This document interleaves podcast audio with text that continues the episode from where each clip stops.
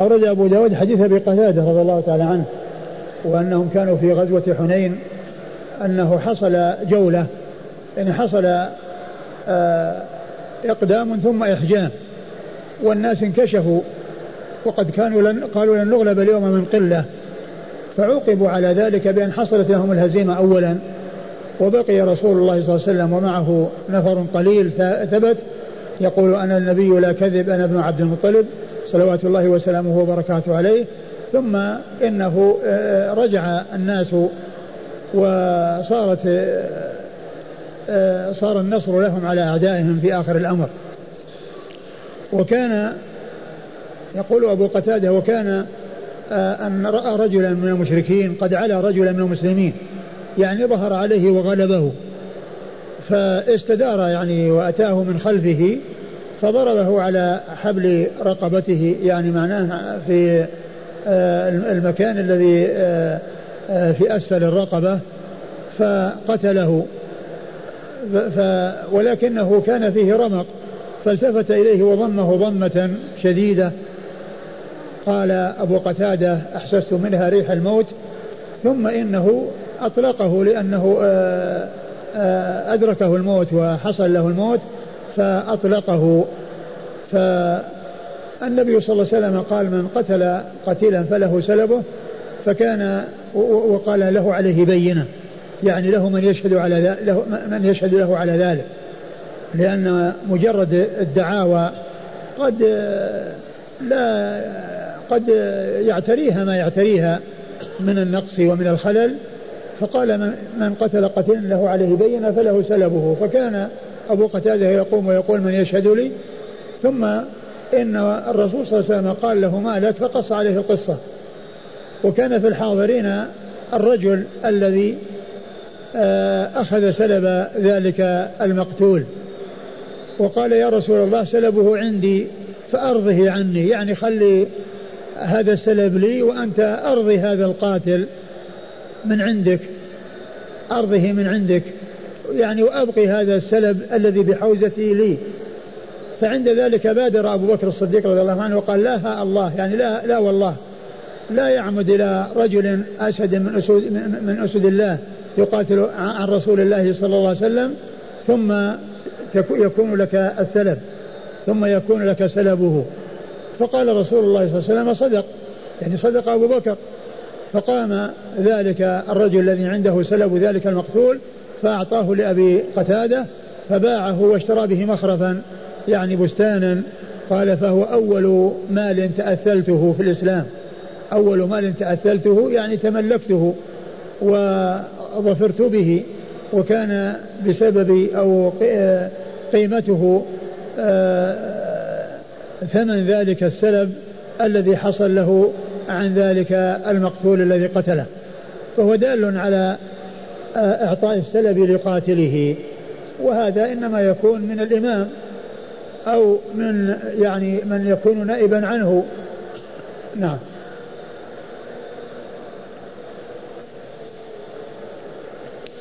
قال حدثنا عبد الله بن مسلمة القعنبي. عبد الله بن مسلمة القعنبي ثقة أخرجه أصحاب كتب الستة إلى ابن ماجه. عن مالك. عن مالك بن أنس الإمام المحدث الفقيه. أحد أصحاب المذاهب الأربعة المشهورة من مذاهب أهل السنة وحديثه أخرجه أصحاب كتب الستة. عن يحيى بن سعيد. عن يحيى بن سعيد الأنصاري المدني ثقة أخرجه أصحاب الكتب الستة. عن عمر بن كثير بن أفلح. عن عمر بن كثير بن أفلح وهو ثقة أخرج له. البخاري ومسلم وأبو داود والترمذي كلهم إلا النسائي فإنه أخرج له في مسند مالك. أخرج له أصحاب الكتب الستة إلا النسائي فقد أخرج له في مسند مالك. عن أبي محمد مولى أبي قتادة. عن أبي محمد مولى أبي قتادة وهو ثقة أخرجه أصحاب الكتب. وهو ثقة أخرجه أصحاب الكتب الستة. عن أبي قتادة الأنصاري الحارث بن ربعي رضي الله تعالى عنه وحديثه أخرجه أصحاب الكتب الستة. فضربته بالسيف على حبل عاتقه. يعني على حبل عاتقه يعني مقصود من ذلك في أسفل آه، آه، يعني عنقه الذي هو متصل بالعاتق.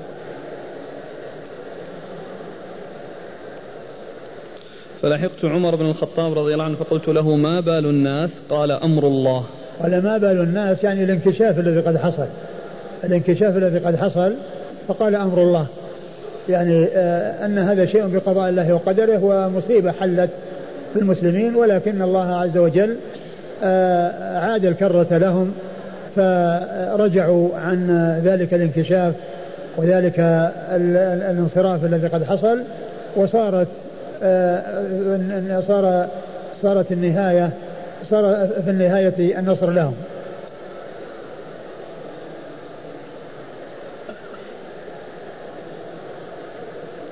فقال أبو بكر رضي الله عنه لا الله إذن.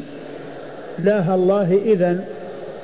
ويعني قيل إنها لا لا الله ذا يعني لا يكون هذا لا يكون هذا يعني رجل أسد من أسد الله يقاتل في سبيل الله ويذب عن رسول الله صلى الله عليه وسلم ويكون منه الجهد العظيم والجهد المشكور ثم تكون الغنيمة لغيره وهو لا يظهر يعني بذلك الذي هو نتيجة لجهده.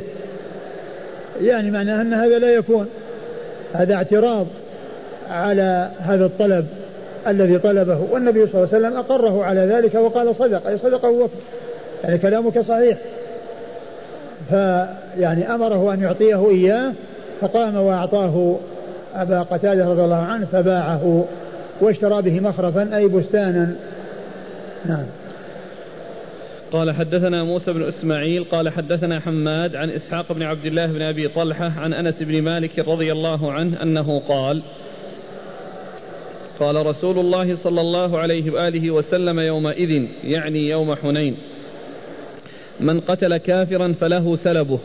فقتل أبو طلحة رضي الله عنه يومئذ عشرين رجلا وأخذ أسلابهم. ولقي أبو طلحة ولقي أبو طلحة أم سليم ومعها خنجر. فقال يا أم سليم ما هذا معك؟ قالت أردت والله إن دنا مني بعضهم أبعج به بطنه. فأخبر بذلك أبو طلحة رسول الله صلى الله عليه وآله وسلم. قال أبو داود هذا حديث حسن. قال أبو داود أردنا بهذا الخنجر وكان سلاح العجم يومئذ الخنجر. ثم ورد أبو داود حديث أنس بن مالك رضي الله عنه أنه كان في غزوة حنين قال رسول الله صلى الله عليه وسلم من قتل قتيلا يعني فله سلبه من قتل قتيلا فله سلبه. وكان أبو طلحة رضي الله عنه قتل عشرين شخصا وأخذ أسلابهم. يعني أخذ الأشياء التي كانت معهم. يعني لأن أخذه بناء على هذا القول الذي قاله رسول الله صلى الله عليه وسلم. من قتل قتيلا فله سلبه. وهذا يدل على أن آه، أن أن السلب يعني يكون للقاتل ولو تعدد المقتولون ولو تعدد المقتولون. ولو كثروا لأن أبا طلحة رضي الله عنه قتل عشرين وأخذ أسلابهم. وهذا يدل على قوة آه، آه، بعض الصحابة رضي الله عنهم وأرضاهم ونشاطهم وبلائهم في الجهاد في سبيل الله. فإن أبا طلحة قتل هؤلاء العشرين. هؤلاء العشرين من الكفار وحصل أسلابهم. ثم رأى أم سليم وهي زوجته وهي أم أنس بن مالك ومعها خنجر. فقال لها ما هذا يا أم سليم؟ قال قالت أردت إن دنا أحد مني أن أن أبعج بطنه يعني أشق بطنه بهذا الخنجر. يعني إذا دنا أحد من الكفار يعني إليها فإنها تستعمله للدفاع عن نفسها وتشق بطنه بهذا الخنجر. فأخبر بذلك أبو طلحة رسول الله صلى الله عليه وسلم ثم قال أبو داود هذا حديث حسن. قال أبو داود أردنا بهذا الخنجر وكان سلاح وكان سلاح العجم يومئذ الخنجر. كأنه أراد به قال أراد أردنا بهذا يعني لفظ الخنجر وأن يعني أن وهي الخنجر هي السكين الغليظة الكبيرة يعني الحادة وكان سلاح العجم يومئذ الخنجر. يعني وهذا من سلاح العجم وإلا فإن الذين يقاتلون هم هوازن وهم من العرب. نعم. قال حدثنا موسى بن إسماعيل. موسى بن إسماعيل التبوذكي البصري ثقة أخرجه أصحاب كتب الستة. عن حماد. عن حماد بن سلمة بن دينار البصري ثقة أخرجه البخاري تعليقا ومسلم وأصحاب السنن عن إسحاق بن عبد الله بن أبي طلحة. عن إسحاق بن عبد الله بن أبي طلحة وهو ثقة أخرجه أصحاب كتب الستة. عن أنس بن مالك. عن أنس بن مالك وأنس بن مالك هو عمه لأمه لأن يعني عبد الله بن طلحة عبد الله بن أبي طلحة هو أخو أنس بن مالك لأمه وهذا ابنه فيكون عمه لأمه يروي عن عمه لأمه. أنس بن مالك رضي الله عنه صاحب رسول الله صلى الله عليه وسلم وخادمه وأحد السبعة المعروفين بكثرة الحديث عن النبي صلى الله عليه وسلم. موسى بن إسماعيل عن حماد عن إسحاق عن أنس. يعني هذا رباعي من الأسانيد العالية عند أبي داود.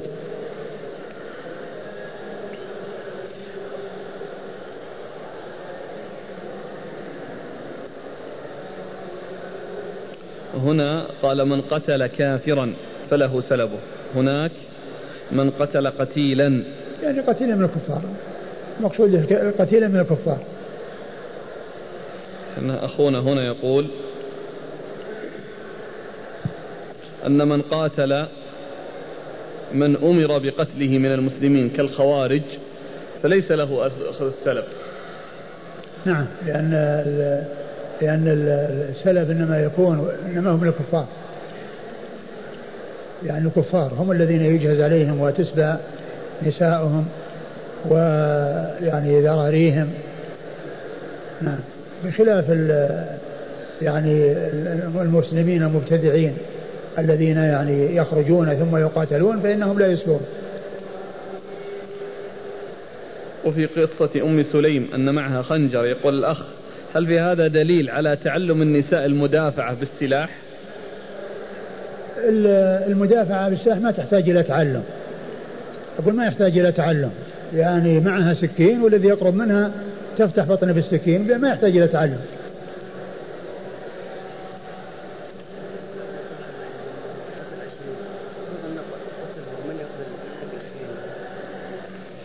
قال رحمه الله تعالى باب في الإمام يمنع القاتل السلب إن رأى والفرس والسلاح من السلب.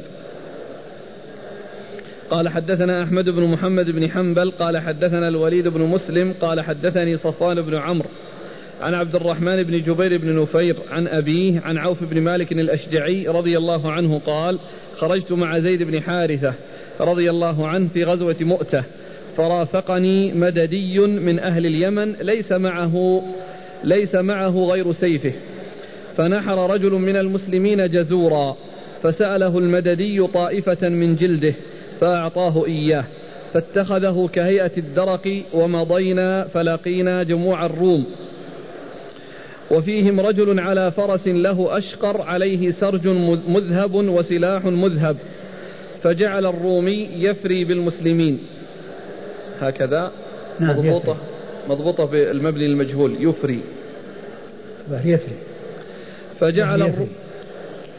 فجعل الرومي يفري بالمسلمين فقعد له المددي خلف صخرة فمر به الرومي فعرقب فرسه فخر وعلاه فقتله وحاز فرسه وسلاحه.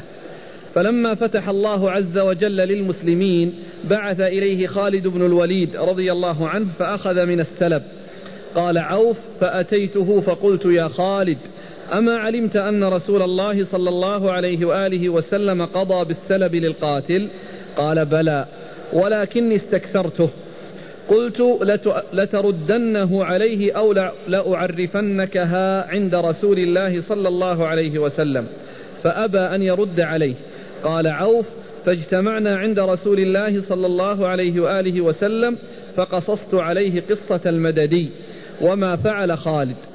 فقال رسول الله صلى الله عليه وآله وسلم يا خالد ما حملك على ما صنعت؟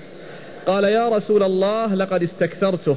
فقال رسول الله صلى الله عليه وآله وسلم يا خالد رد عليه ما أخذت منه. قال عوف فقلت له دونك يا خالد ألم أفلك؟ فقال رسول الله صلى الله عليه وآله وسلم وما ذلك؟ فأخبرته. قال فغضب رسول الله صلى الله عليه وآله وسلم فقال يا خالد لا ترد عليه. هل أنتم تاركون لي أمرائي؟ لكم صفوة أمرهم وعليهم كدره.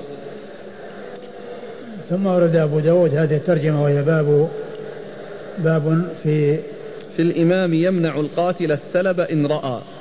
والفرس والسلاح من السلب. باب في الإمام يمنع القاتل من السلب إذا رأى. يعني إذا رأى ذلك لأن القاتل يكون له السلب ولكن للإمام أن يمنعه إذا رأى ذلك. أي يمنع القاتل السلب إذا رأى ذلك. والفرس والسلاح من السلب يعني أنها من جملة السلب. بحيث أن المقتول إذا كان له فرس ومعه سلاح فإنه يكون سلبا ويكون لقاتله لقاتل ذلك القتيل الذي يملك هذه الفرس ويملك ذلك السلاح. أورد أبو داود حديث عوف بن مالك الأشجعي رضي الله عنه. قال خرجت مع زيد بن حارثة في غزوة مؤتة. فرافقني مددي من أهل اليمن ليس معه غير سيفه. يقول عوف بن مالك الأشجعي رضي الله عنه خرجت مع زيد بن حارثة في غزوة مؤتة. وغزوة مؤتة هي الغزوة التي كانت للروم وكانت في السنة الثامنة والتي استشهد فيها ثلاثة من الأمراء وهم زيد بن حارثة وجعفر بن أبي طالب وعبد الله بن رواحة. ويقال لها غزوة الأمراء. لأنه استشهد فيها أمراء ثلاثة. أمرهم رسول الله صلى الله عليه وسلم ثم أخذ الراية خالد ونصر الله المسلمين على أعدائهم. وقال عوف بن مالك إنه صحبني مددي من اليمن والمددي هو الذي يعني يأتي يمد, يمد الجيوش أو تمد به الجيوش. الذي تمد به الجيوش. الجيوش يقال له مددي. يعني جاء يمد الجيوش. وكانت الأمداد تأتي من اليمن. وهي قصة آه، آه، التابعي الذي هو خير التابعين أويس. أويس القرني. أويس القرني قال يأتيكم مع أمداد أهل اليمن. يأتيكم مع أمداد أهل اليمن. يعني الذين يأتون من اليمن ليمدوا الجيوش. فكانوا يأتون من اليمن مارين بالمدينة متجهين إلى الفرس إلى بلاد فارس لقتال الفرس. فيقال للواحد مددي ويقال لهم أمداد يعني الذين يمدون الجيوش. فكان أويس يعني جاء مع أمداد أهل اليمن والرسول قال يأتيكم مع أمداد أهل اليمن. والحديث الذي ورد إن إني أجد نفس الرحمن من جهة اليمن المقصود به هذا يعني هو ما يحصل للمسلمين من التنفيس عن طريق الجيوش والأمداد التي تأتي من جهة اليمن. هذا هو معنى الحديث الذي ورد أجد نفس الرحمن من جهة اليمن. وليس المقصود بذلك يعني صفة من صفات الله أنه يعني يوصف بأن له نفس وإنما يعني هذا الجند وهذا الجيش أو هذا هؤلاء الرجال الذين يحصل بهم التنفيس على المسلمين بمجيئهم لقتال الكفار قال فهذا المددي وليس معه إلا سيفه ليس معه إلا سيفه ولما وصلوا وحصل القتال مع الروم يعني صار قال إيش كان له إيش عمل ماذا عمل؟ ليس معه غير سيفه فنحر رجل من المسلمين جزورا فسأله المددي طائفة من جلده فأعطاه إياه فاتخذه كهيئة الدرق ومضينا فلقينا جموع الروم يقول أنه آه هذا المددي ما معه إلا سيفه وأن رجلا من المسلمين نحر جزورا فطلب منه قطعة من الجلد ليتخذها يعني كهيئة الدرق يعني كالوقاية أو كالترس يعني الذي يجعله يعني دون السهام يعني بحيث أنه يعني ييبس يعني يبسه ثم يكون يعني قاسيا وغليظا. ف نعم. إيش؟ فاتخذه كيات الدرق ومضينا فلقينا جموع الروم. وفيهم رجل على فرس له أشقر عليه سرج مذهب وسلاح, وسلاح مذهب. فجعل الرومي يفري بالمسلمين. فقعد له المددي خلف صخرة. فمر به الرومي فعرقب فرسه فخر وعلاه فقتله وحاز فرسه وسلاحه. يا هذا المددي لما حصل الالتقاء مع الروم كان فيهم أي الروم رجل على فرس يعني جواد يعني وعليه سرج مذهب ومعه آه، سيف مذهب. فكان يفري بالمسلمين يعني معناه يفتك بهم يفتك بهم. فهذا المددي آه، اختفى وراء صخرة ولما مر به المددي ضرب يعني عراقيب فرسه فخر وقتله. نعم. وحاز فرسه وسلاحه. يعني حاز ذلك المددي فرسه وسلاحه. يعني هذا هذا الفرس وهذا ال ال ال السلاح الذي هو يعني مذهب ويعني السرج الذي هو مذهب. يعني حاز ذلك أي الفرس والسلاح. وهذا محل الشاهد للترجمة. حيث قال يعني والفرس والسلاح من من السلب لأنه حاز يعني ذلك السلب الذي هو الفرس والسلاح. فلما فتح الله عز وجل للمسلمين بعث إليه خالد بن الوليد فأخذ من السلب. قال عوف فأتيته فقلت يا خالد أما علمت أن رسول الله صلى الله عليه وسلم قضى بالسلب للقاتل؟ يعني لما حصل النصر للمسلمين على أعدائهم الروم آه، أخذ خالد يعني ذلك السلب أو من ذلك السلب الذي معه وقال إنه استكثره. فعوف بن مالك الذي كان قد رافق هذا المددي قال ما علمت أن رسول الله صلى الله عليه وسلم قال من قتل قتيلا فله سلبه قال إنه قد استكثر ذلك. يعني رآه شيئا كثيرا رآه شيئا كثيرا فأراد أن يكون للمسلمين آه، يعني شيء من ذلك. نعم.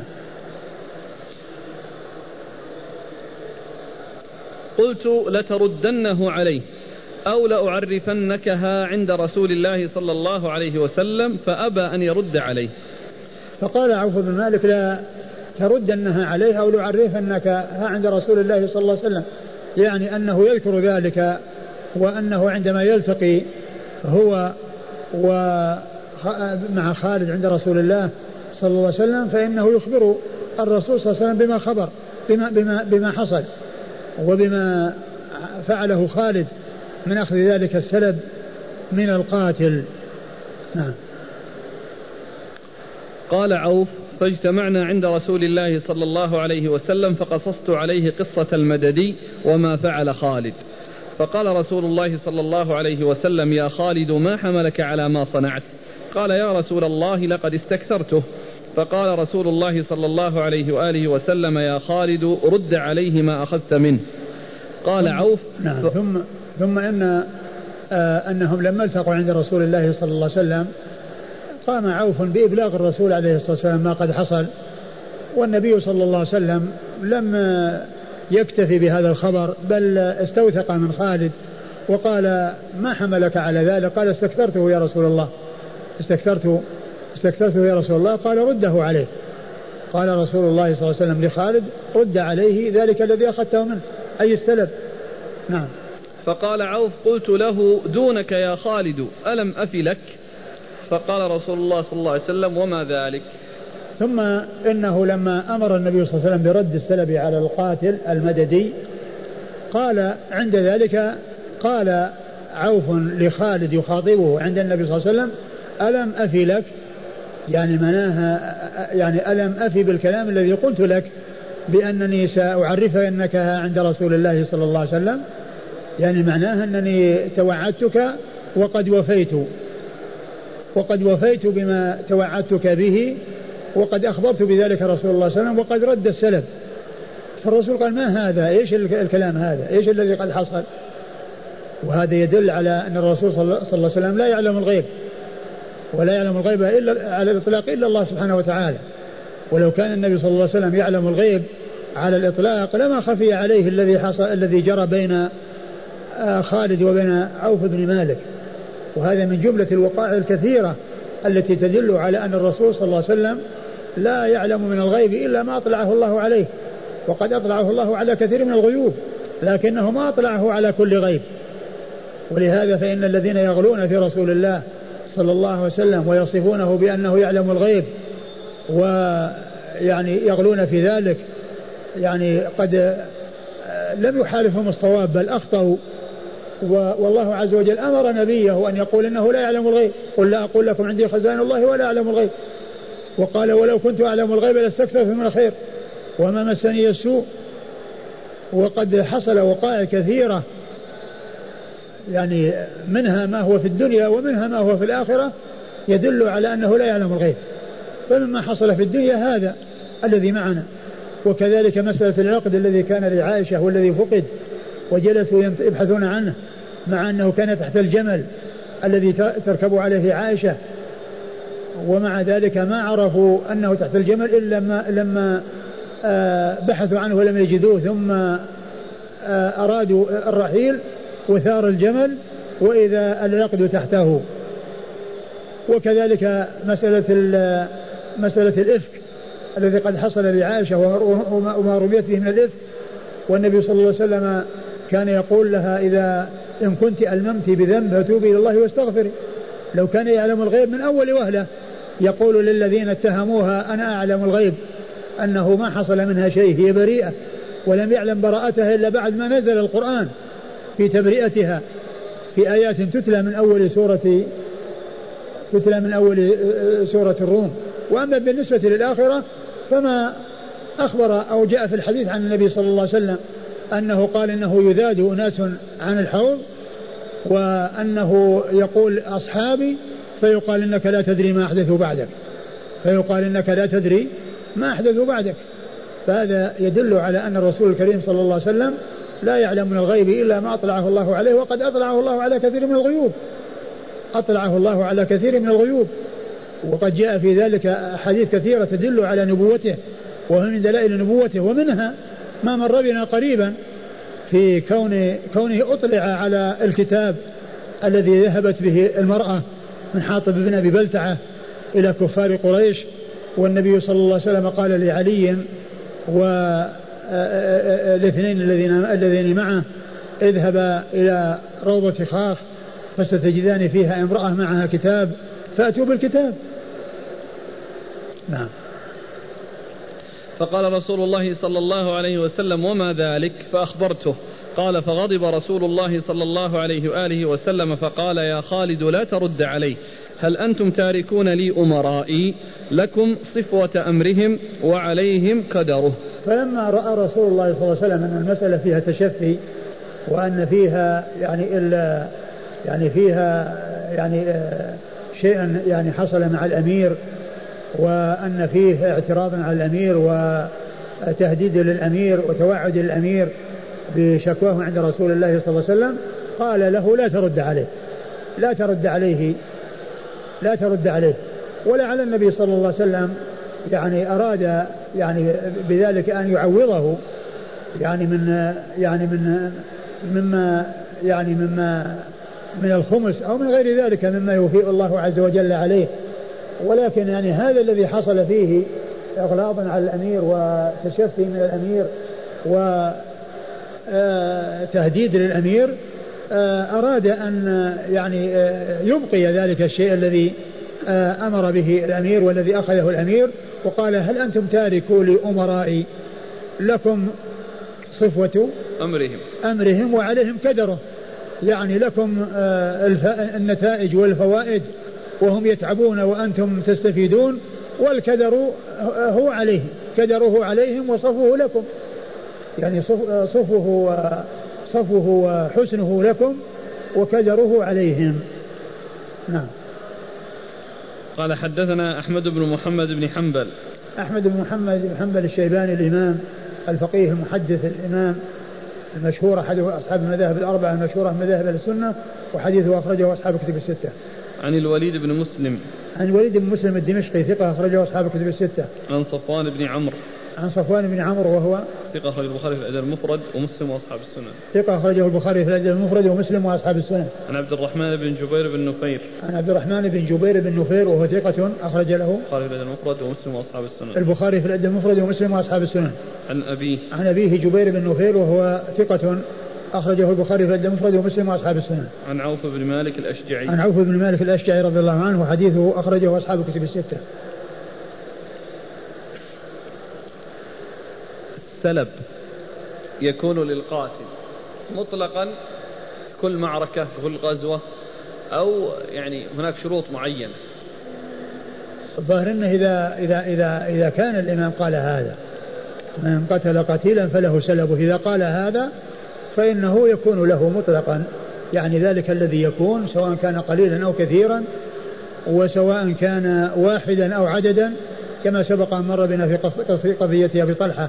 وأنه قتل عشرين وأخذ أسلابهم. يعني إذا كان الامام أو الأمير قال هذا فإنه يكون له السلام. فإذا كان هكذا يعني السلب الفرس والسلاح وما على المقتول. إذا الغنائم تنحصر في ماذا؟ تنحصر في غير ذلك. يعني في ال في, ال في الأشياء التي آه يعني آه، لا يعرف أصحابها. لأن لأنهم إذا آه، هربوا وتركوا أموالهم آه هذه الأموال التي تركت ما جاءت عن طريق أن أن أن كل واحد يعني قتل إنسان وأن هذا له. وأخونا يقول هل يجمع بين السلب والسهم من الغنيمة؟ نعم. يجمع بين السلب والسهم. السلب يعني شيء والسهم شيء. السهم الأسهم للغانمين جميعا وتقسم عليهم. وأما السلب فيكون يختص به القاتل الذي حصل منه يعني نكاية بالعدو والذي حصل منه جهد يعني عظيم تميز به يكافأ عليه يعني بذلك السلب حيث يقول الإمام من فعل كذا فله كذا. الحديث الآن شاهد للترجمة. باب في الإمام يمنع القاتل السلب إن رأى. يعني في الآخر نعم. لأن الشاهد للترجمة كون النبي صلى الله عليه وسلم قال له في الآخر لا تعطيه إياه. لا تعطيه إياه. يعني رأى من المصلحة لا يعطيه إياه. يعني لظرف أو لأمر من الأمور وهو ما حصل من شيء آه، اعتبره النبي صلى الله عليه وسلم غير لائق مع أميره. قال حدثنا أحمد بن محمد بن حنبل قال حدثنا الوليد قال سألت ثورا عن هذا الحديث فحدثني عن خالد بن معدان عن جبير بن نفير عن أبيه عن عوف بن مالك الأشجعي نحوه. كلمة عن أبيه هذه مقحمة لأن الذي الذي يروي عن أبيه هو عبد الرحمن بن جبير بن نفير في الإسناد الأول. وأما هذا الإسناد يعني ففيه خالد بن معدان. يروي عن جبير بن نفير فكلمة عن أبيه هذه ليست هذه مقحمة ومفهومها أن جبير يروي عن نفير جبير يروي عن نفير ونفير ليس من الرواة نفير ليس له رواية وإنما الرواية لعبد الرحمن بن جبير عن أبيه الذي هو جبير بن نفير والذي مر في الإسناد السابق. فهذه جاءت مقحمة والذي في الأشراف لا ولا وجود له في تحفة الأشراف. لأن هذه طريق وتلك طريق. هناك طريق فيها خالد فيها عبد الرحمن بن جبير عن أبيه وهذه خالد بن معدان عن جبير. فكلمة عن أبيه هذه مقحمة. قال عن عوف بن مالك الأشجعي نحوه. عن عوف بن مالك الأشجعي نحوه يعني نحو الحديث المتقدم. الرواية السابقة التي هي من طريق عبد الرحمن آه، ابن جبير بن نفير عن أبيه يعني مثل نحوها هذه الطريقة التي جاءت عن خالد بن معدان عن جبير بن نفير عن عوف بن مالك. نحوه أي نحوه في المعنى وليس مثله في الألفاظ. قال حدثنا أحمد بن محمد بن حنبل عن الوليد عن ثور. ثور ابن يزيد وهو ثقة أخرج له البخاري وأصحاب السنن البخاري وأصحاب السنن عن خالد بن معدان. خالد بن معدان ثقة أخرج أصحاب الكتب الستة. عن عوف بن مالك الأشجعي. وقد مر ذكرهما. قال رحمه الله تعالى باب في السلب لا يخمس. قال حدثنا سعيد بن منصور قال حدثنا إسماعيل بن عياش عن صفوان بن عمرو عن عبد الرحمن بن جبير بن نفير عن أبيه عن عوف بن مالك الأشجعي وخالد بن الوليد رضي الله عنهما أن رسول الله صلى الله عليه وآله وسلم قضى بالسلب للقاتل ولم يخمس السلب. ثم أورد أبو داود هذه الترجمة باب السلب للقاتل ولا يخمس يعني أنه لا يؤخذ منه الخمس. كما أن الغنيمة يؤخذ منها الخمس والباقي أربعة أخماس للغانمين فالسلب كله للقاتل ولا يؤخذ منه خمسه كما يؤخذ الخمس من الغنيمة وإنما هو بأكمله للقاتل ولا يؤخذ منه خمس. لا يخمس السلب كما تخمس الغنيمة. بل السلب يكون كله للقاتل ولا يخمس وأما الغنيمة فيؤخذ خمسها وأربعة الأخماس تكون للغانمين. الأربعة الأخماس الأخرى الباقية تكون للغانمين. هذا هو المقصود من الترجمة. وقد أورد أبو داود حديث حول بن مالك وخالد بن الوليد رضي الله تعالى عنهما أن النبي صلى الله عليه وسلم أمر بالسلب للقاتل ولا ولم يخمس السلب. ولم يخمس السلب. أمر النبي صلى الله عليه وسلم بالسلب للقاتل ولم يخمس السلب يعني ولم يؤخذ خمسه. وإنما يعطى بأكمله دون تخميس للقاتل.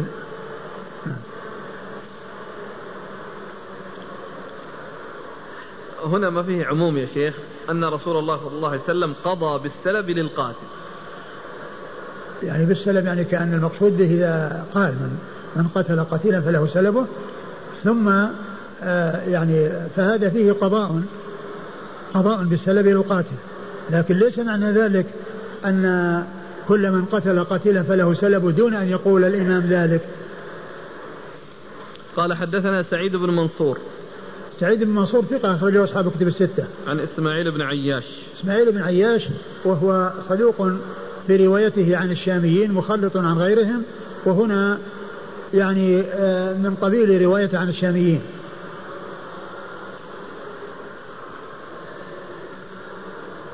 حديث أخرجه البخاري رفع اليدين وأصحاب السنن أخرج حديث البخاري في رفع اليدين وأصحاب السنن. عن صفوان بن عمرو عن عبد الرحمن بن جبير عن أبيه عن عوف بن مالك وخالد بن الوليد. عن صفوان بن عن عن صفوان بن عمرو عن عبد الرحمن بن جبير عبد الرحمن بن جبير عن أبيه عن أبيه عن عوف بن مالك وقد مر ذكرهم وخالد بن الوليد رضي الله عنه هو آه، صاحب رسول الله صلى الله عليه وسلم أبو سليمان وليس له ولد اسمه سليمان ولكنه يسمى يكنى بأبي سليمان.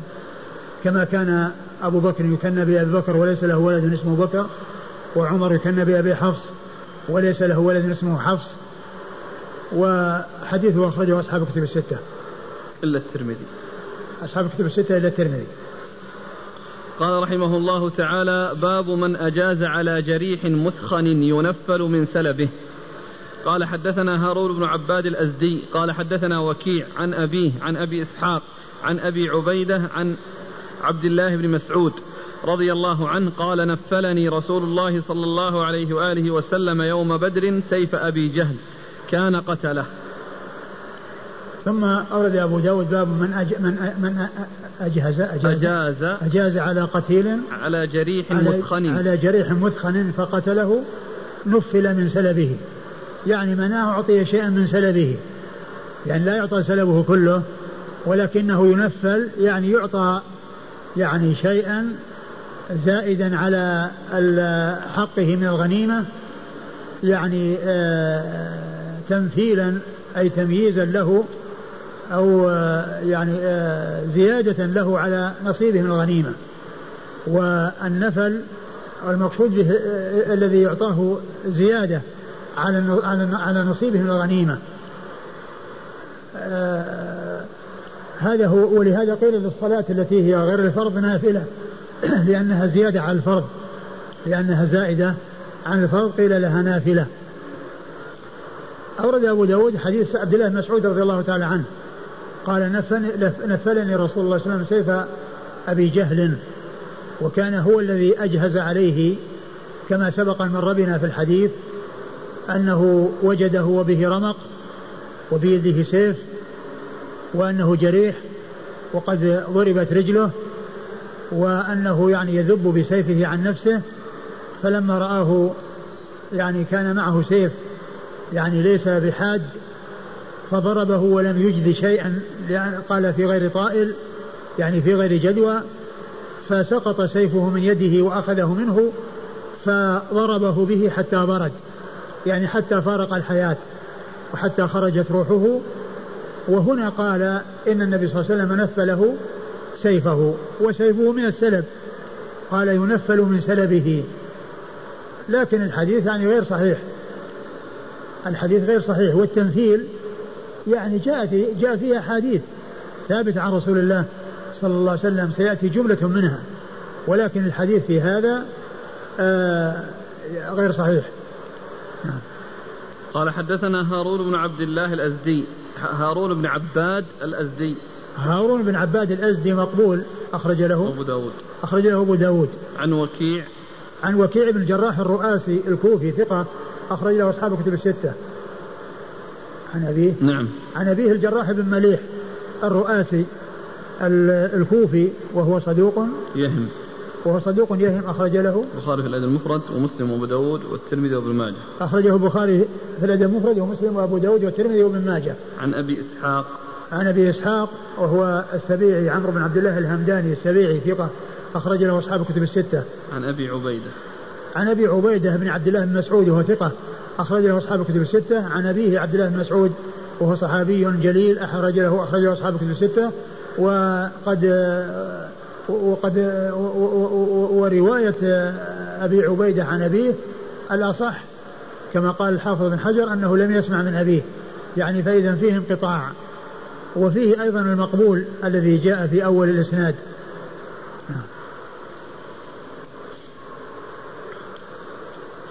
قال رحمه الله تعالى باب في من جاء بعد الغنيمة لا سهم له. قال حدثنا سعيد بن منصور قال حدثنا إسماعيل بن عياش عن محمد بن الوليد الزبيدي عن الزهري أن عنبسة بن سعيد أخبره أنه سمع أبا هريرة رضي الله عنه يحدث سعيد بن العاص أن رسول الله صلى الله عليه وآله وسلم بعث أبان بن سعيد بن العاص على سرية على سرية من المدينة قبل نجد. فقدم أبان بن سعيد وأصحابه على رسول الله صلى الله عليه وآله وسلم بخيبر بعد أن فتحها. وإن حزم خيلهم ليث. فقال أبان اقسم لنا يا رسول الله. وإن حزم. نعم. خيلهم ليث. فقال أبان اقسم لنا يا رسول الله. فقال أبو هريرة فقلت لا تقسم لهم يا رسول الله. فقال أبان أنت بها يا وبر تحدر علينا من رأس ضال فقال النبي صلى الله عليه وآله وسلم اجلس يا أبان ولم يقسم لهم رسول الله صلى الله عليه وآله وسلم. ثم ورد أبو داود باب في من جاء بعد الغنيمة لا سهم له. يعني في من جاء بعد حيازة الغنيمة لا سهم له. يعني له لا يعطى لأن الغنيمة يعطاها من حضرها من حضر المعركة وشارك فهذا هو الذي يعطى من الغنيمة. وأما إنسان جاء بعدما آه، انتهت الحرب وحيزت الغنائم فإنه لا يكون له نصيب فيها. لا يكون له نصيب فيها لأنه ما شارك. وإنما الذي جاء قبل أن تنتهي الحرب وشارك قبل أن تحاز الغنيمة فإنه يكون له نصيب منها. ومن جاء بعد ذلك لا يكون له نصيب. أورد أبو داود حديث أبي هريرة رضي الله تعالى عنه أن النبي صلى الله عليه وسلم أرسل يعني سرية فيها أبان بن سعيد بن العاص قبل نجد وأنهم جاءوا بعدما انتهت آه، القتال في خيبر وانتهت الغنيمة وطلبوا من النبي صلى الله عليه وسلم أن يجعل لهم منها نصيب. طلبوا من النبي صلى الله عليه وسلم أن يجعل لهم يعني منها نصيب. فعندما طلب هذا قال أبو بكر قال أبو هريرة آه لا تعطيه يا رسول الله. يعني معناه أنه ما شارك في الغنيمة. فلما قال لا تعطيه يا رسول الله غضب وعاب أبا هريرة وتكلم فيه كلاما فقال و وأنت بها؟ أنت بها يا وبر. أنت بها يعني أنت يعني آه، بهذه الكلمة أو بهذه يعني تتصدى لهذا الأمر وتتدخل في هذا الأمر. وقال يا وبر والوبر هو دويبة تشبه السنور يعني تكون وحشية يعني في في الفلات. وهي التي جاءت في قرآن مسيلمة الكذاب الذي لما جاءه عمرو بن العاص وقال له آآ آآ ماذا أنزل على صاحبكم؟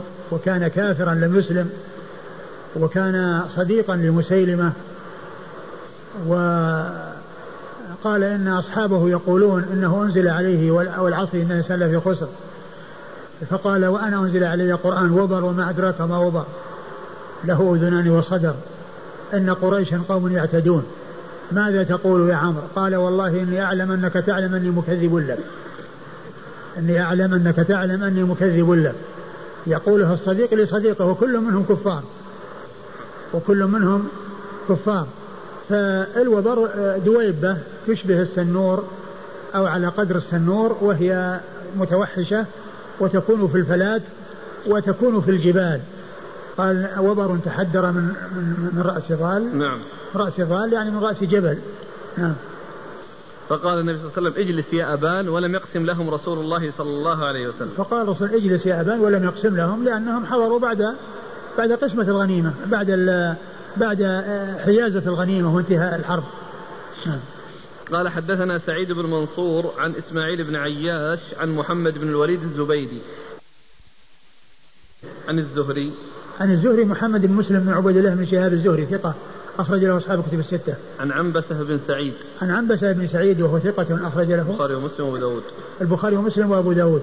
عن أبي هريرة. عن أبي هريرة عبد الرحمن بن صخر الدوسي صاحب رسول الله صلى الله عليه وسلم وأكثر أصحابه حديثا على الإطلاق رضي الله عنه وأرضاه. بمناسبة الوبر. يقول ما حكم أكل الوبر حيث هذا يكثر في بلادنا والعلماء يختلفون في تحليله وتحريمه لا لا أذكر لا أذكر فيه شيئا قال حدثنا حامد بن يحيى البلخي قال حدثنا سفيان قال حدثنا الزهري وسأله إسماعيل بن أمية فحدثناه الزهري أنه سمع عنبسة بن سعيد القرشي يحدث عن أبي هريرة رضي الله عنه قال قدمت المدينة ورسول الله صلى الله عليه وآله وسلم بخيبر حين افتتحها فسألته أن يسهم لي فتكلم بعض ولد سعيد بن العاص فقال لا تسهم له يا رسول الله. قال فقلت هذا قاتل بن قوقل. فقال سعيد بن العاص يا عجبا لوبر قد تدلى علينا من قدوم ضال. يعيرني بقتل امرئ مسلم أكرمه الله تعالى على يدي ولم يهني على يديه. ثم أورد أبو داود رحمه الله حديث أبي هريرة من طريق أخرى وفيها أن القصة بالعكس وذلك أن الذي في المسألة الأولى أبو هريرة هو الذي اعترض على طلب أبان بن سعيد بن العاص. وفي هذه القصة أن أبا هريرة هو الذي طلب أن يجعل له نصيب من الغنيمة وأبان هو الذي اعترض عليه, عليه. هو الذي اعترض عليه. وكل منهما جاء بعد يعني في آخر الأمر. لأن أبو أبو هريرة إنما جاء في زمن متأخر. يعني بعد انتهاء خيبر وكذلك أبان بن يزيد بن العاص. ولما قال أبو هريرة اقسم لي يا رسول الله اعترض عليه أبان فقال قال لا تسهم له يا رسول الله. قال لا تسهم له يا رسول الله. لا تسهم له يقول أبان لا تسهم له يعني لأبي هريرة يا رسول الله. فغضب أبو هريرة وقال هذا قاتل بن قوقل. قاتل بن قوقل. يعني هو يعني مسلم قتله أبان بن سعيد وهو كافر. يعني مسلم قتله أبان بن يزيد في حال كفره.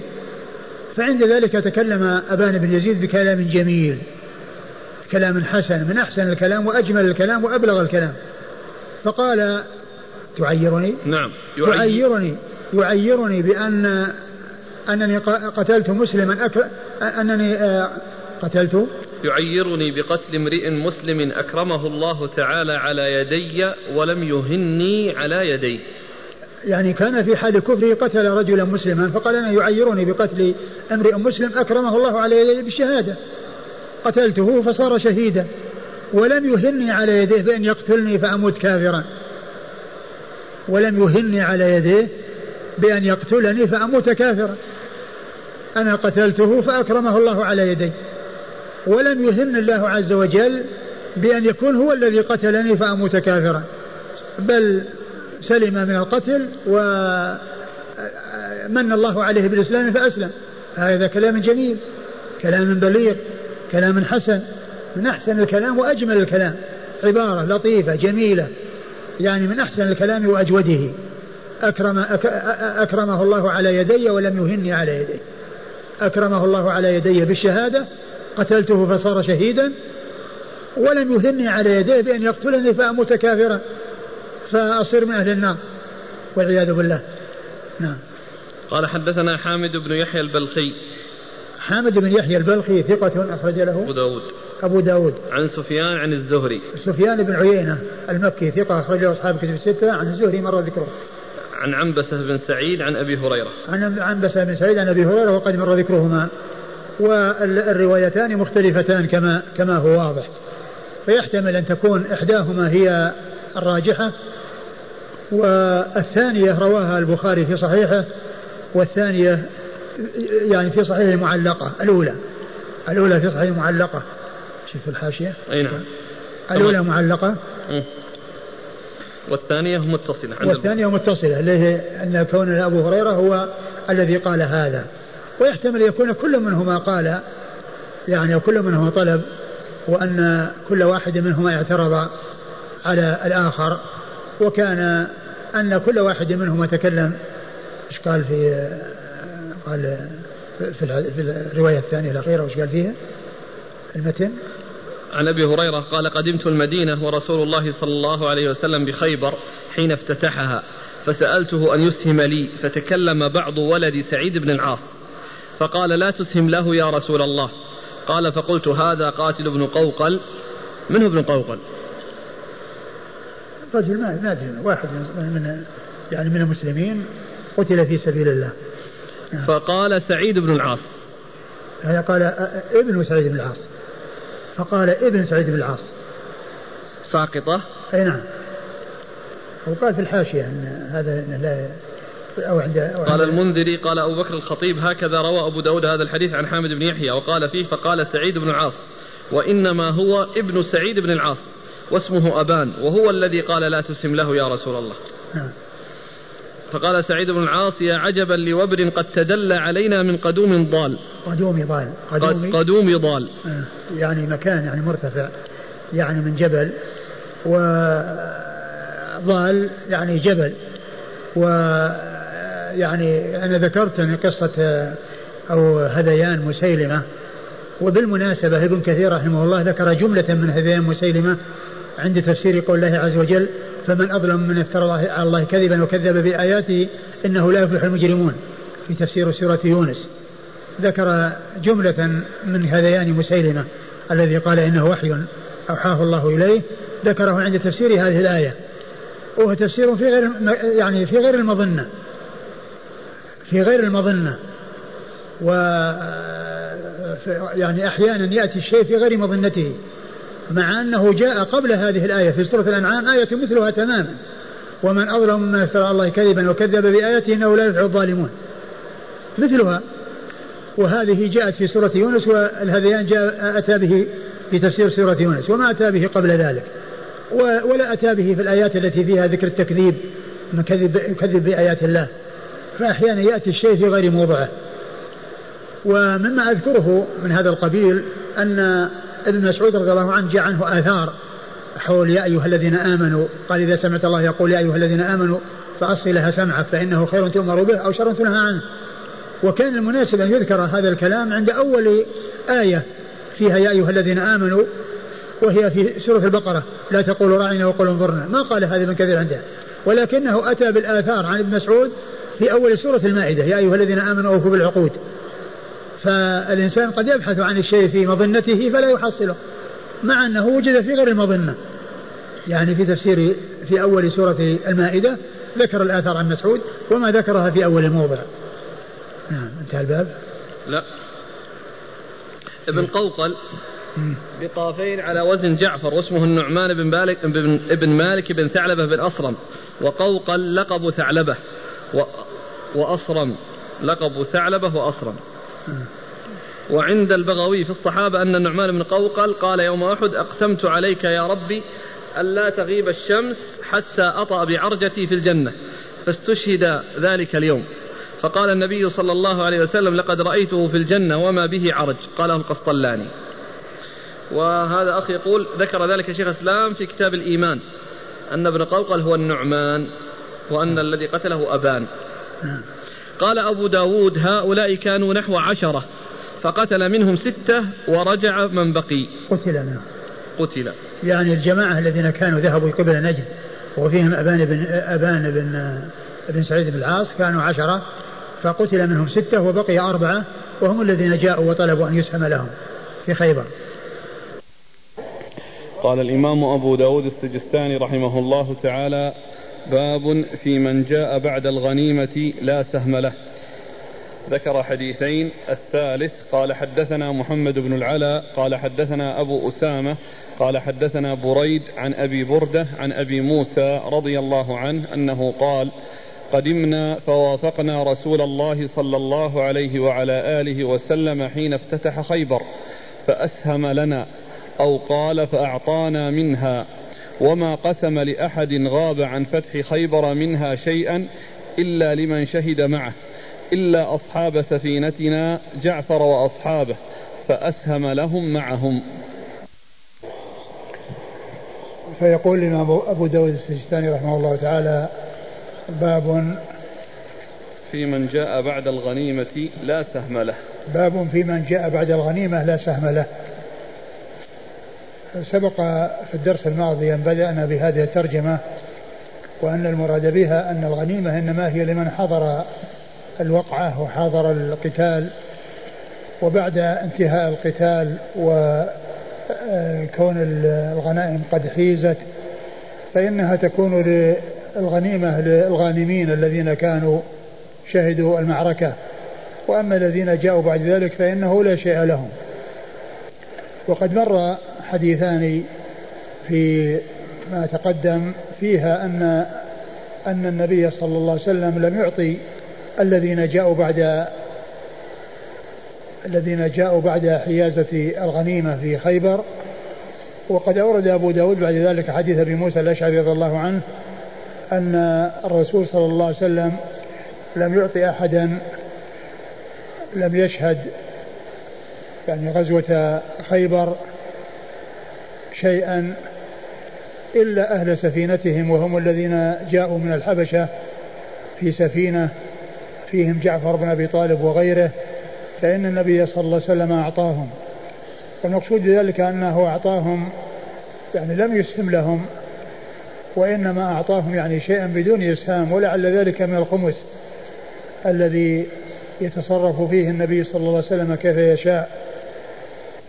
وأما الأربعة الأخماس الباقية فهي للغانمين ولا تعطى لأحد سواهم. و وأبو داود رحمه الله أورد هذا الحديث تحت الترجمة أنه لا سهم له. ومعنى ذلك أنه لا سهم له في الغنيمة. وأما إعطاء النبي صلى الله عليه وسلم لأبي موسى وجعفر بن أبي طالب وغيرهم ممن جاءوا في السفينة وهم لم يشهدوا الوقعة فإنما ذلك من غير إسهام ومن غير أن يكون لهم نصيب في الغنيمة يزاحمون فيه الذين حضروها فيعطون مثل ما أعطوا وإنما أعطاهم شيئا بدون إسهام وذلك من الخمس الذي يتصرف فيه النبي صلى الله عليه وسلم في مصالح المسلمين. نعم. قال حدثنا محمد بن العلاء محمد بن العلاء بن كريب أبو كريب ثقة أخرج له أصحاب الكتب الستة. عن أبي أسامة. عن أبي أسامة هو حماد بن أسامة ثقة أخرج له أصحاب الكتب الستة. عن بريد. عن بريد بن عبد الله بن أبي بردة وهو ثقة أخرج له أصحاب الكتب الستة. عن أبيه. عن أبيه أبو عن بردة. عن, عن جده. عن جده. لأن بريد بن عبد الله بن أبي بردة. بريد. أيوه. ابن عبد الله ابن أبي بردة. نعم. فهو بريد عن أبي بردة. عن أبي بردة نعم. يعني جده أبو بردة نعم. جده أبو بردة لأنه بريد بن عبد الله. م. يروي عن جده أبي بردة وهو آه، ثقة أخرجه أصحاب كتب الستة.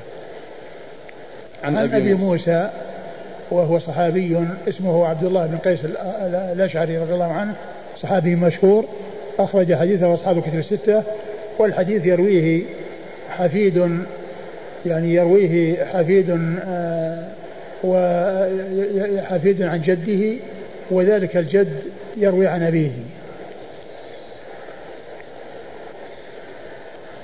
قال حدثنا محبوب بن موسى أبو صالح. قال أخبرنا أبو إسحاق الفزاري عن كليب بن وائل عن هانئ بن قيس عن حبيب بن أبي مليكة عن ابن عمر رضي الله عنهما أنه قال إن رسول الله صلى الله عليه وآله وسلم قام يعني يوم بدر فقال إن عثمان انطلق في حاجة الله وحاجة رسول الله وإني أبايع له فضرب له رسول الله صلى الله عليه وآله وسلم بسهم ولم يضرب لأحد غاب غيره. ثم ورد أبو داود حديث ابن عمر رضي الله عنه رضي الله عنهما أن النبي صلى الله عليه وسلم في آه، غزوة بدر آه، أعطى الغنيمة للغانمين ولم يعطي أحدا غاب عنها إلا عثمان بن عفان رضي الله عنه فإنه غاب عنها بإذن رسول الله صلى الله عليه وسلم وبأمره وذلك ليمرض زوجته رقية بنت رسول الله صلى الله عليه وسلم وأعطاه سهما كغيره لأن غيابه عنها عن هذه الغزوة إنما كان بإذن رسول الله صلى الله عليه وسلم من أجل هذا الغرض الذي هو تمريض زوجته رقية بنت رسول الله صلى الله عليه وسلم وقد ماتت رضي الله تعالى عنها في ذلك الوقت و وكان الناس في بدر في الوقت الذي كان آه، عثمان كان كان عثمان رضي الله عنه يمرضها في غيبته عن عن بدر فالنبي صلى الله عليه وسلم أعطاه. وأما قضية البيعة وذكر المبايعة وأنه بايع عنه فإن البيعة المشهورة أنها في بيعة الرضوان وقد كان رضي الله تعالى عنه ذهب إلى مكة وأشيع أنه قتل وعند ذلك بايع رسول الله صلى الله عليه وسلم أصحابه على أن لا يفروا. وكان بايع عن عثمان وضرب بإحدى يديه على الأخرى وقال هذه لعثمان. وأما بدر فليس فيه مبايعة وإنما فيه إسهام يعني له إسهام له وإعطائه عن نصيبه من الغنيمة لأنه في حكم الحاضرين لأن غيابه عنها إنما كان بإذن رسول الله صلى الله عليه وسلم. نعم. قال حدثنا محبوب بن موسى. محبوب بن موسى ثقة أخرجه أبو داود والنسائي. صدوق. صدوق أخرجه أبو داود والنسائي. عن أبي إسحاق الفزاري. عن أبي إسحاق الفزاري وهو إبراهيم بن محمد بن الحارث ثقة أخرجه أصحاب الكتب الستة. عن كليب بن وائل. عن كليب بن وائل وهو صدوق. نعم أخرجه البخاري وأبو داود والترمذي. أخرجه البخاري وأبو داود والترمذي. عن هانئ بن قيس. عن هانئ بن قيس وهو السور. أخرجه أبو داود. وهو مستور أخرج له أبو داود. عن حبيب بن أبي مليكة. عن حبيب بن أبو مليكة بن أبي مليكة وهو مقبول أخرج له أبو داود. وهو مقبول أخرج له أبو داود. عن ابن عمر. عن ابن عمر عبد الله بن عمر الخطاب رضي الله تعالى عنهما آه، الصحابي الجليل أحد العبادلة الأربعة من أصحاب النبي صلى الله عليه وسلم وأحد السبعة المعروفين بكثرة الحديث عن النبي صلى الله عليه وسلم والحديث ثابت وإن كان فيه ذلك المستور والمقبول لأن له شواهد.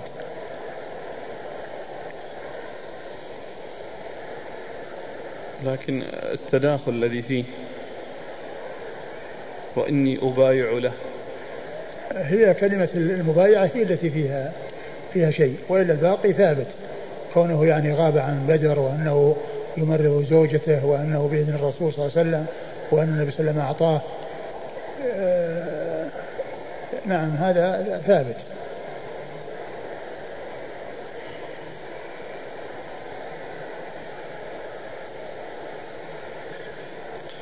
قال رحمه الله تعالى باب في المرأة والعبد يحذيان من الغنيمة. قال حدثنا محبوب بن موسى أبو صالح قال حدثنا أبو إسحاق الفزاري عن زائدة عن الأعمش عن المختار بن صيفي عن يزيد بن هرمز قال كتب نجدة إلى ابن عباس رضي الله عنهما يسأله عن كذا وكذا وذكر أشياء وعن المملوك أله في الفيء شيء؟ وعن النساء هل كن يخرجن مع النبي صلى الله عليه وآله وسلم؟ وهل لهن نصيب؟ فقال ابن عباس لولا أن يأتي أحموقة ما كتبت إليه. أما المملوك فكان يحذى. وأما النساء فقد كن يداوين الجرحى ويسقين الماء. ثم أورد أبو داود هذه الترجمة باب في العبد والمرأة يحذيان من الغنيمة يعني يعطيان عطاء يعني بدون إسهام بدون أن يسهم لهما فالإحدى هو الإعطاء. يحذيه يعني يعطيه والعطية هي رضخ. التي تسمى رضخ. يعني أنه يعطى يعني شيء يعني من غير إسهام من غير أن يكون آه، حكمه حكم الغانمين بأن يكون له نصيب كالنصيب الذي يكون لكل غانم لكل مجاهد آه، حضر المعركة وجاهد وقاتل الكفار. آه، المرأة والعبد يعطيان من غير إسهام. هذا هو معنى قوله يحذيان يعني يعطيان عطية وهبة ومنحة يعني من غير استحقاق ومن غير إسهام كما يسهم لغيرهم. والإحدى هو معناه الإعطاء ومنه الحديث حديث أبي موسى الأشعري الذي فيه الجليس الصالح والجليس السوء الجليس الصالح كحامل مسك. يعني إما يحذيك وإما أن تنال منه ريح طيبة. إما أن يحذيك وإما أن تبتاع منه وإما أن تنال ريح طيبة. يحذيك يعني يعطيك أورد أبو داود حديث ابن عباس. حديث ابن عباس رضي الله تعالى عنهما أنه كتب إليه نجدة وهو من الحرورية من الخوارج يسأله عن العبد هل يكون له في الغنيمة شيء وعن النساء هل يخرجن مع في الغزو ويكون لهن شيء فأخبر عبد الله بن عباس رضي الله عنه فقال عبد الله بن عباس لولا أن يرتكب حموقة ما كتبت له يعني لكونه من الخوارج. ولكن كونه يعني سأل ويعني لئلا يحصل منه يعني يعني أشياء ما هي طيبة فقد كتب له يجيبه بأن العبد بأن العبد إيش قال؟ أما المملوك فكان يحذى. أما المملوك فكان يحذى. يعني أنه يعطى يعني عطية بدون إسهام. وأما النساء فكن يداوين الجرحى ويسقين الماء. فكنا يداوين يداوين الجرحى ويسقين الماء. ويعني آه ولم يذكر إعطاء ولكنهن يحذين ويعطي ويعطين يعني من غير إسهام. كالذي يحصل للمملوك كالذي يحصل للمملوك. ولهذا أبو داود رحمه الله ذكر الترجمة يحذيان يعني أنهما يعطيان من غير إسهام وإعطاؤهما من أجل هذا العمل وهذه الخدمة التي آه، يقومان التي يقومن بها. نعم. قال حدثنا محبوب بن موسى عن أبي إسحاق الفزاري عن زائدة. مر ذكر محبوب بن موسى وأبو إسحاق الفزاري وزائده هو بن قدامة ثقة اخرجه أصحاب الكتب الستة. عن الأعمش. عن الأعمش سليمان بن مهران الكاهلي ثقة اخرجه أصحاب الكتب الستة. عن المختار بن صيفي. عن المختار بن صيفي وهو مقبول أخرجه مسلم وأبو داود. مقبول أخرجه مسلم وأبو داود. عن يزيد بن هرمز. عن يزيد بن هرمز وهو ثقة أخرجه مسلم وأبو داود والترمذي والنسائي. وهو ثقة أخرجه مسلم وأبو داود والترمذي والنسائي. عن ابن عباس. عن ابن عباس عبد الله بن عباس بن عبد المطلب بن عم النبي صلى الله عليه وسلم وأحد العباد الأربعة من أصحاب النبي صلى الله عليه وسلم وأحد السبعة المعروفين بكثرة الحديث عن النبي صلوات الله وسلامه وبركاته عليه.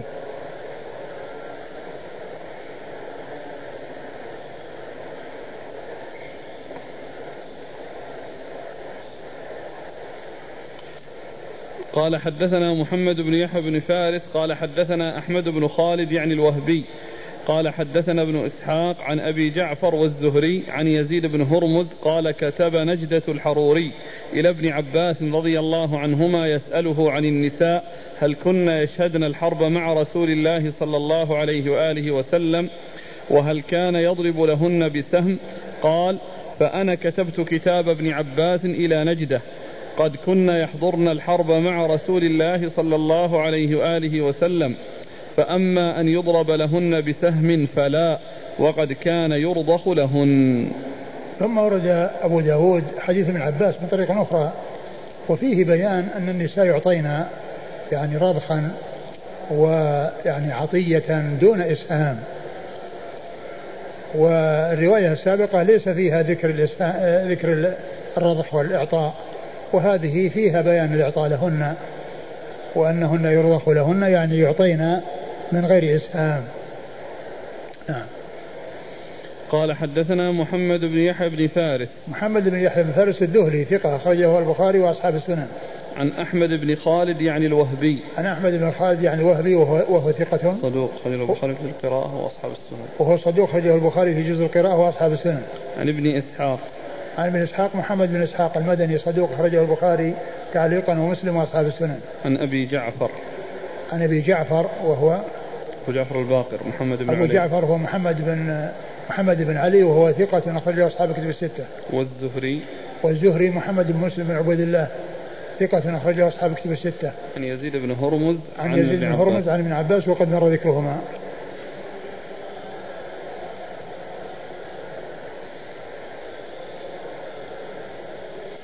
قال حدثنا إبراهيم بن سعيد وغيره قال أخبرنا أخبرنا زيد بن الحباب قال حدثنا رافع بن سلمة بن زياد قال حدثني حشرج بن زياد عن جدته أم أبيه أنها خرجت مع رسول الله صلى الله عليه وآله وسلم في غزوة خيبر سادس ست نسوة فبلغ رسول الله صلى الله عليه وآله وسلم فبعث إلينا فجئنا فرأينا فيه الغضب فقال مع من خرجتن وبإذن من خرجتن فقلنا يا رسول الله خرجنا نغزل الشعر ونعين به في سبيل الله ومعنا دواء الجرحى ونناول السهام ونسقي السويق. فقال قمنا حتى إذا فتح الله عليه خيبر أسهم لنا كما أسهم للرجال. قال فقلت لها يا جدة وما كان ذلك؟ قالت تمرا. ثم أورد أبو داود رحمه الله حديث جدتي آه، حشرج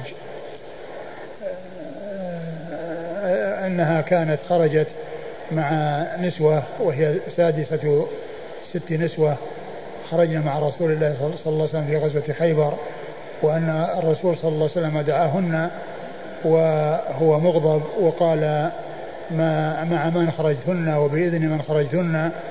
فأخبرنه بأنه خرجنا يغزلن الشعر ويداوين المرضى ويسقين السويق فقال لهن قمنا ثم بعد ذلك بعدما حصلت الغنيمة أسهم لهن كما يسهم للرجال. قيل قال لها وماذا كانت الغنيمة؟ قال قالت تمرا. فهذا فيه بيان أن أنه أسهم لهن كما أسهم للرجال وهذا يخالف ما تقدم من أنهن يرضخ لهن ولا يسهم لهن. وأيضا جاء فيه أنه تمر ولعل المقصود بذلك أن أنه أسهم لهن كما يسهم للرجال يعني في الطعام الذي يقدم والذي يمنح لل يعني يمنح للغزاة.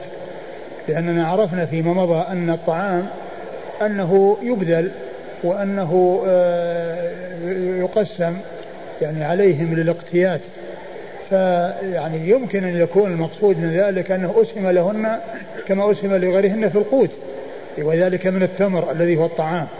لأن إعطاء الطعام وتقسيم الطعام يختلف عن عن آه، آه، قسمة الغنيمة. يختلف عن قسمة الغنيمة التي تكون هي للغانمين.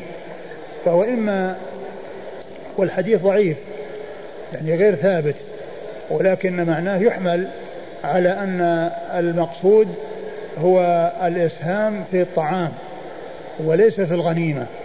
ومعلوم أن الطعام وقسمة الطعام إنما يقسم على على الحاضرين وعلى الموجودين لإقتياتهم وللإنفاق عليهم.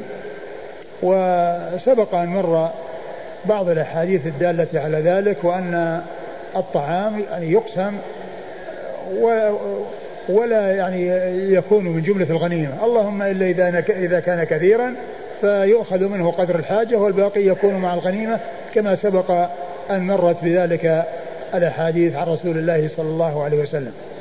نعم. قال حدثنا إبراهيم بن سعيد. إبراهيم بن سعيد ثقة أخرج له. مسلم وأصحاب السنن أخرج له مسلم وأصحاب السنن وغيره. وغيره يعني ومعه غيره.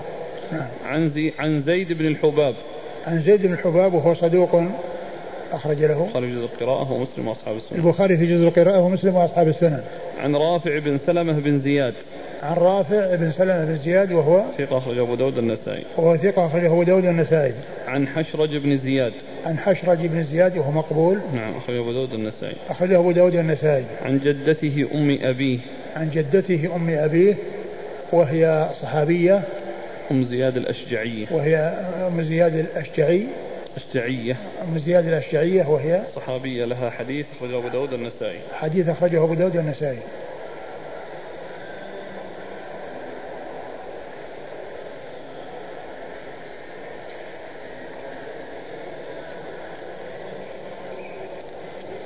قال حدثنا أحمد بن حنبل قال حدثنا بشر يعني ابن المفضل عن محمد بن زيد قال حدثني عمير مولى آب اللحم رضي الله عنهما أنه قال شهدت خيبر مع سادتي فكلموا في رسول الله صلى الله عليه وآله وسلم فأمر بي فقلدت سيفا فإذا أنا أجره فأخبر أني مملوك فأمر لي بشيء من خرثي المتاع.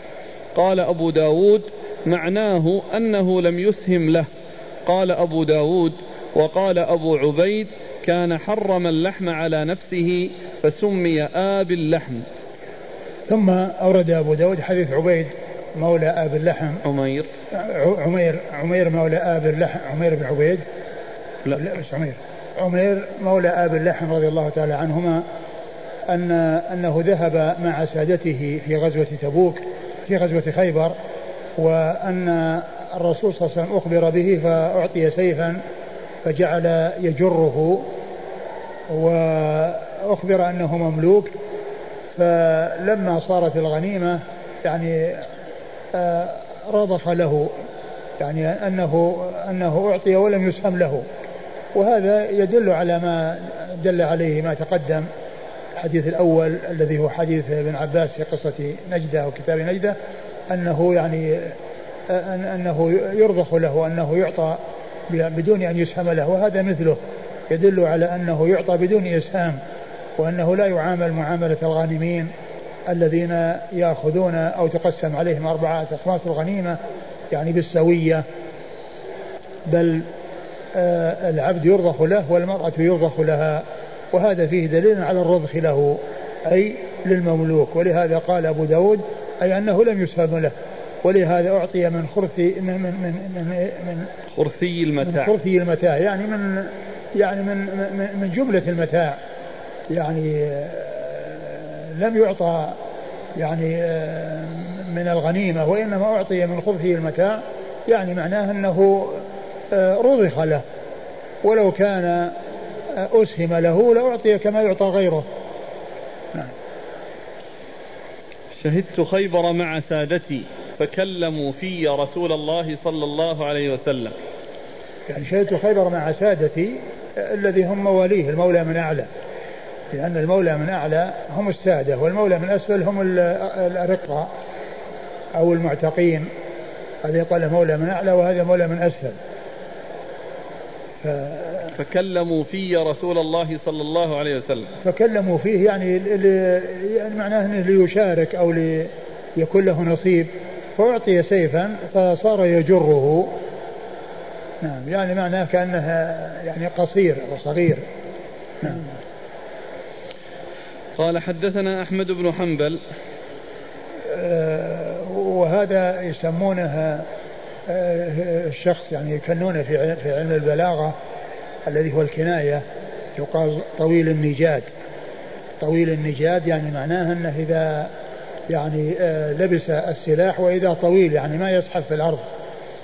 طويل النجاد كثير الرماد رفيع العماد هذه كلها كنايات. رفيع العماد يعني في البيت يعني إنه يعني مرفوع بحيث إنه يعني الناس يشوفونه ويأتون من مكان بعيد يكون أضياف له.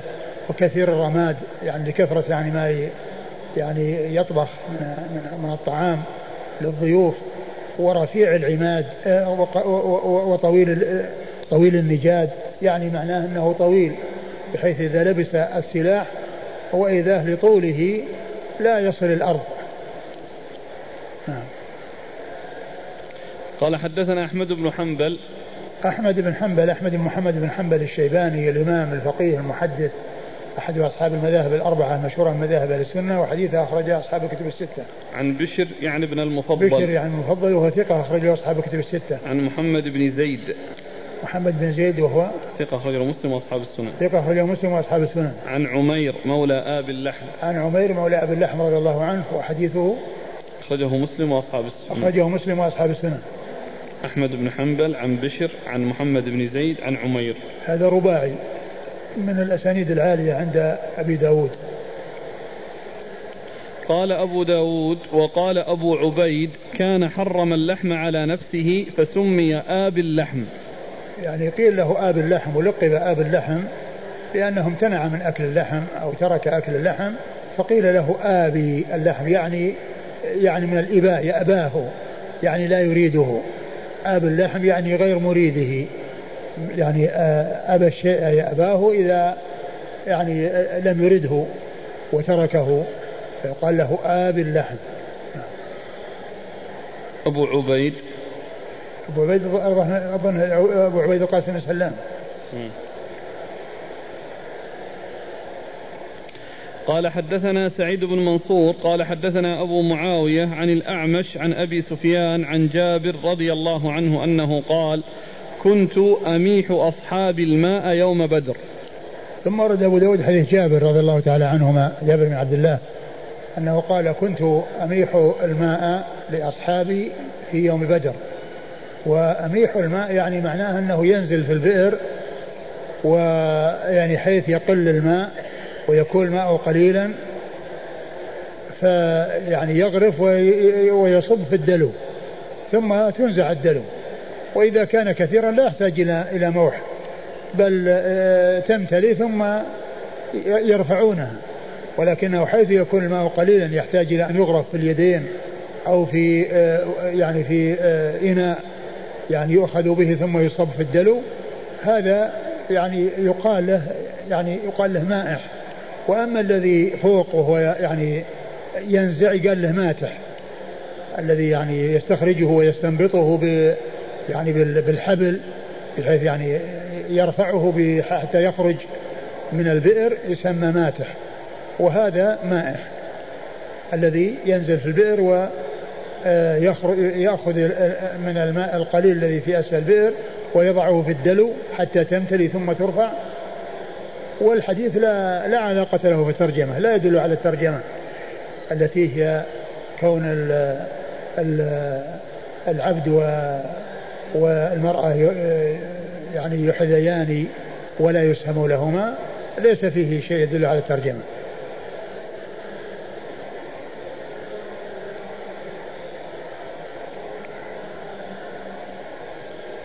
قال حدثنا سعيد بن منصور.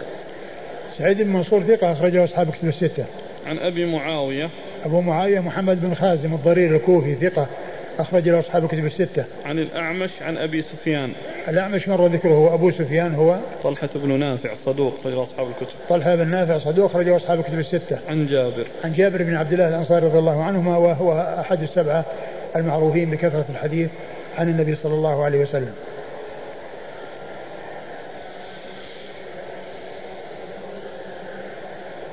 قال رحمه الله تعالى باب في المشرك يسهم له قال حدثنا مسدد ويحيى بن معين قال حدثنا يحيى عن مالك عن الفضيل عن عبد الله بن نيار عن عروة عن عائشة رضي الله عنها قال يحيى إن رجلا من المشركين لحق بالنبي صلى الله عليه وآله وسلم ليقاتل معه فقال ارجع ثم اتفقا فقال إنا لا نستعين بمشرك. ثم ورد أبو داود باب في المشرك يسهم له باب في المشرك في المشرك يسهم له. يعني هل يسهم يسهم له أو لا يسهم له؟ لا يسهم له. ولا يستعان به في الحرب والجهاد في سبيل الله لأنه هو نفسه بحاجة إلى جهاد وهو بحاجة إلى أن يدخل في الإسلام. وأولئك يقاتلون ليدخلوا في الإسلام وهو ما دخل في الإسلام فلا يستعان به في جهاد الكفار وقتالهم من أجل أن يدخلوا في الإسلام. و وعلى هذا فإنه ليس له نصيب لأنه لا لا يعني آه ليس أهلا لأن يقاتل وليس أهلا لأن يعطى شيئا لأن الأصل الذي يبنى عليه صرف الغنيمة إنما يكون في حق من يكون من أهل الجهاد وذلك بأن يكون مسلما. أما إذا كان كافرا فإنه لا يستعان به في الجهاد لأن الجهاد إنما هو لإخراج الناس من الظلمات إلى النور وهو لا يزال في الظلمات هو بحاجة إلى أن يخرج من الظلمات إلى النور. فكيف يقاتل الكفار وهو كافر؟ يعني يقاتلهم ليدخلوا في الإسلام وهو ما دخل في الإسلام. هذا فيما يتعلق في الجهاد. وأما بالنسبة للدفاع فإنه يستعان بهم. لا بأس بالاستعانة بالكفار في أجل الدفاع لأن الدفاع شيء ويعني المحافظة على النفس والاستعانة بهم على رد العدوان لا بأس بذلك. كما أن الإنسان لو كان له جار يعني كافر ثم اعتدى عليه لصوص لا بأس أن يستدعي جاره الكافر ليساعده على التخلص من اللصوص. لأن هذا آه، مثل هذا العمل لا بأس به. واستعانة سائغة. وإنما الذي لا يجوز هو الاستعانة بهم في الجهاد في سبيل الله وقتال الكفار من أجل دخولهم في الإسلام لأن فاقد الشيء لا يعطيه وهو هو مثلهم. إلا إلا أنه يعني حيث يكون مستأمنا أو يكون يعني يعني صاحب ذمة آه، يأمن على نفسه وأما كونه يذهب من أجل يقاتل في سبيل الله لإخراج الناس من الظلمات والنور إلى النور فهو ليس يعني من أهل ذلك. نعم. أن رجلا من المشركين لحق بالنبي صلى الله عليه وسلم ليقاتل معه فقال ارجع إنا لا نستعين بمشرك. يعني من المشركين يعني هو صاحب ذمة أو يعني صاحب عهد وأمان. فقال ارجع فإنا لا نستعين بالمشرك. يعني في, في هذا العمل الذي هو الجهاد في سبيل الله. نعم. قال حدثنا مسدد. مسدد بن مسرهد. ثقة أخرجه البخاري وأبو داود والترمذي والنسائي. ويحيى بن معين. يحيى بن معين ثقة أخرجه أصحاب الكتب الستة. عن يحيى. عن يحيى بن سعيد القطان ثقة أخرجه أصحاب الكتب الستة. عن مالك. عن مالك بن أنس إمام دار الهجرة مر ذكره. عن الفضيل. عن الفضيل وهو ابن أبي عبد الله. الفضيل بن أبي عبد الله وهو ثقة أخرجه مسلم وأبو داود والترمذي والنسائي. ثقة أخرجه مسلم وأبو داود والترمذي والنسائي. عن عبد الله بن نيار. عن عبد الله بن دينار وهو ثقة أخرجه نيار نيار. ابن نيار. عبد الله بن نيار وهو ثقة أخرجه مسلم وأصحاب السنن. وهو ثقة أخرجه مسلم وأصحاب السنن. عن عروة. عن عروة بن الزبير بن العوام وهو ثقة فقيه أخرج له أصحاب كتب الستة. عن عائشة. عن عائشة أم المؤمنين رضي الله عنها وأرضاها الصديقة بن الصديق وهي واحدة من سبعة أشخاص عرفوا بكثرة الحديث عن النبي صلى الله عليه وسلم.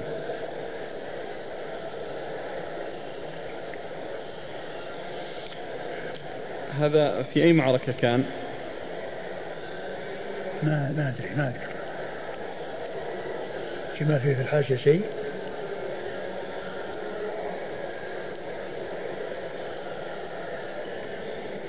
لا لم يذكر شيء. قال رحمه الله تعالى باب في سهمان الخيل. قال حدثنا أحمد بن حنبل قال حدثنا أبو معاوية قال حدثنا عبيد الله عن نافع عن ابن عمر رضي الله عنهما أن رسول الله صلى الله عليه وآله وسلم أسهم لرجل ولفرسه ثلاثة أسهم سهما له وسهمين لفرسه. ثم ورد أبو داود هذه الترجمة باب في سهمان الخيل. يعني آه، آه، الخيل يسهم لها ويكون لها يعني آه، يكون لصاحبها أسهم في مقابل استخدام الخيل واستخدام الفرس. وذلك بأن يكون لصاحب الفرس وفرسه ثلاث أسهم سهم له وسهمان لفرسه. وأما الراجل أو الراكب الذي يعني ليس من أهل الخيل والفرس فإنه له سهم واحد. وعلى هذا فكل مجاهد حضر المعركة وهو يعني من أهل القتال يعني يكون له سهم. ومن كان له فرس فيضاف إلى سهمه الذي من أجل شخصه سهمان لفرسه. وإنما جعل الفرس له سهمان وذلك ل يعني قوة البلاء الذي الإبلاء الذي يكون يعني باستخدامه من الكر والفر والتمكن من الوصول إلى الأعداء والنكاية بهم. ثم أيضا ما يحتاج إليه من علف وما يحتاج إليه من خدمة وما يحتاج إليه من أمور يعني يحتاج إليها الفرس فيعطى له آه، سهمان يعطى له سهمين آه، من أجل الفرس وسهم له من أجل آه، شخصه. و وهذا هو وقد أورد أبو داود حديث ابن عمر. حديث ابن عمر أن النبي صلى الله عليه وسلم أعطى للفارس ثلاث أسهم سهم له وسهمان لفرسه. سهم له لأنه واحد من المقاتلين وكل مقاتل يكون له سهم والفرس لها سهمان من أجل الفائدة الكبيرة التي تترتب على استخدامها والاستفادة منها ومن أجل ما تحتاج إليه من علف وغير ذلك. نعم. قال حدثنا أحمد بن حنبل عن أبي معاوية عن عبيد الله عن نافع عبيد الله بن عمر بن بن حفص بن عاصم بن عاصم عبيد الله عبيد الله بن عمر بن حفص بن عاصم وهو ثقة أخرج أصحاب الكتب الستة. عن عن نافع. وهو مولى بن عمر ثقة أخرج أصحاب الكتب الستة. عن ابن عمر وقد مر ذكره. قال حدثنا أحمد بن حنبل قال حدثنا أبو معاوية قال حدثنا عبد الله بن يزيد قال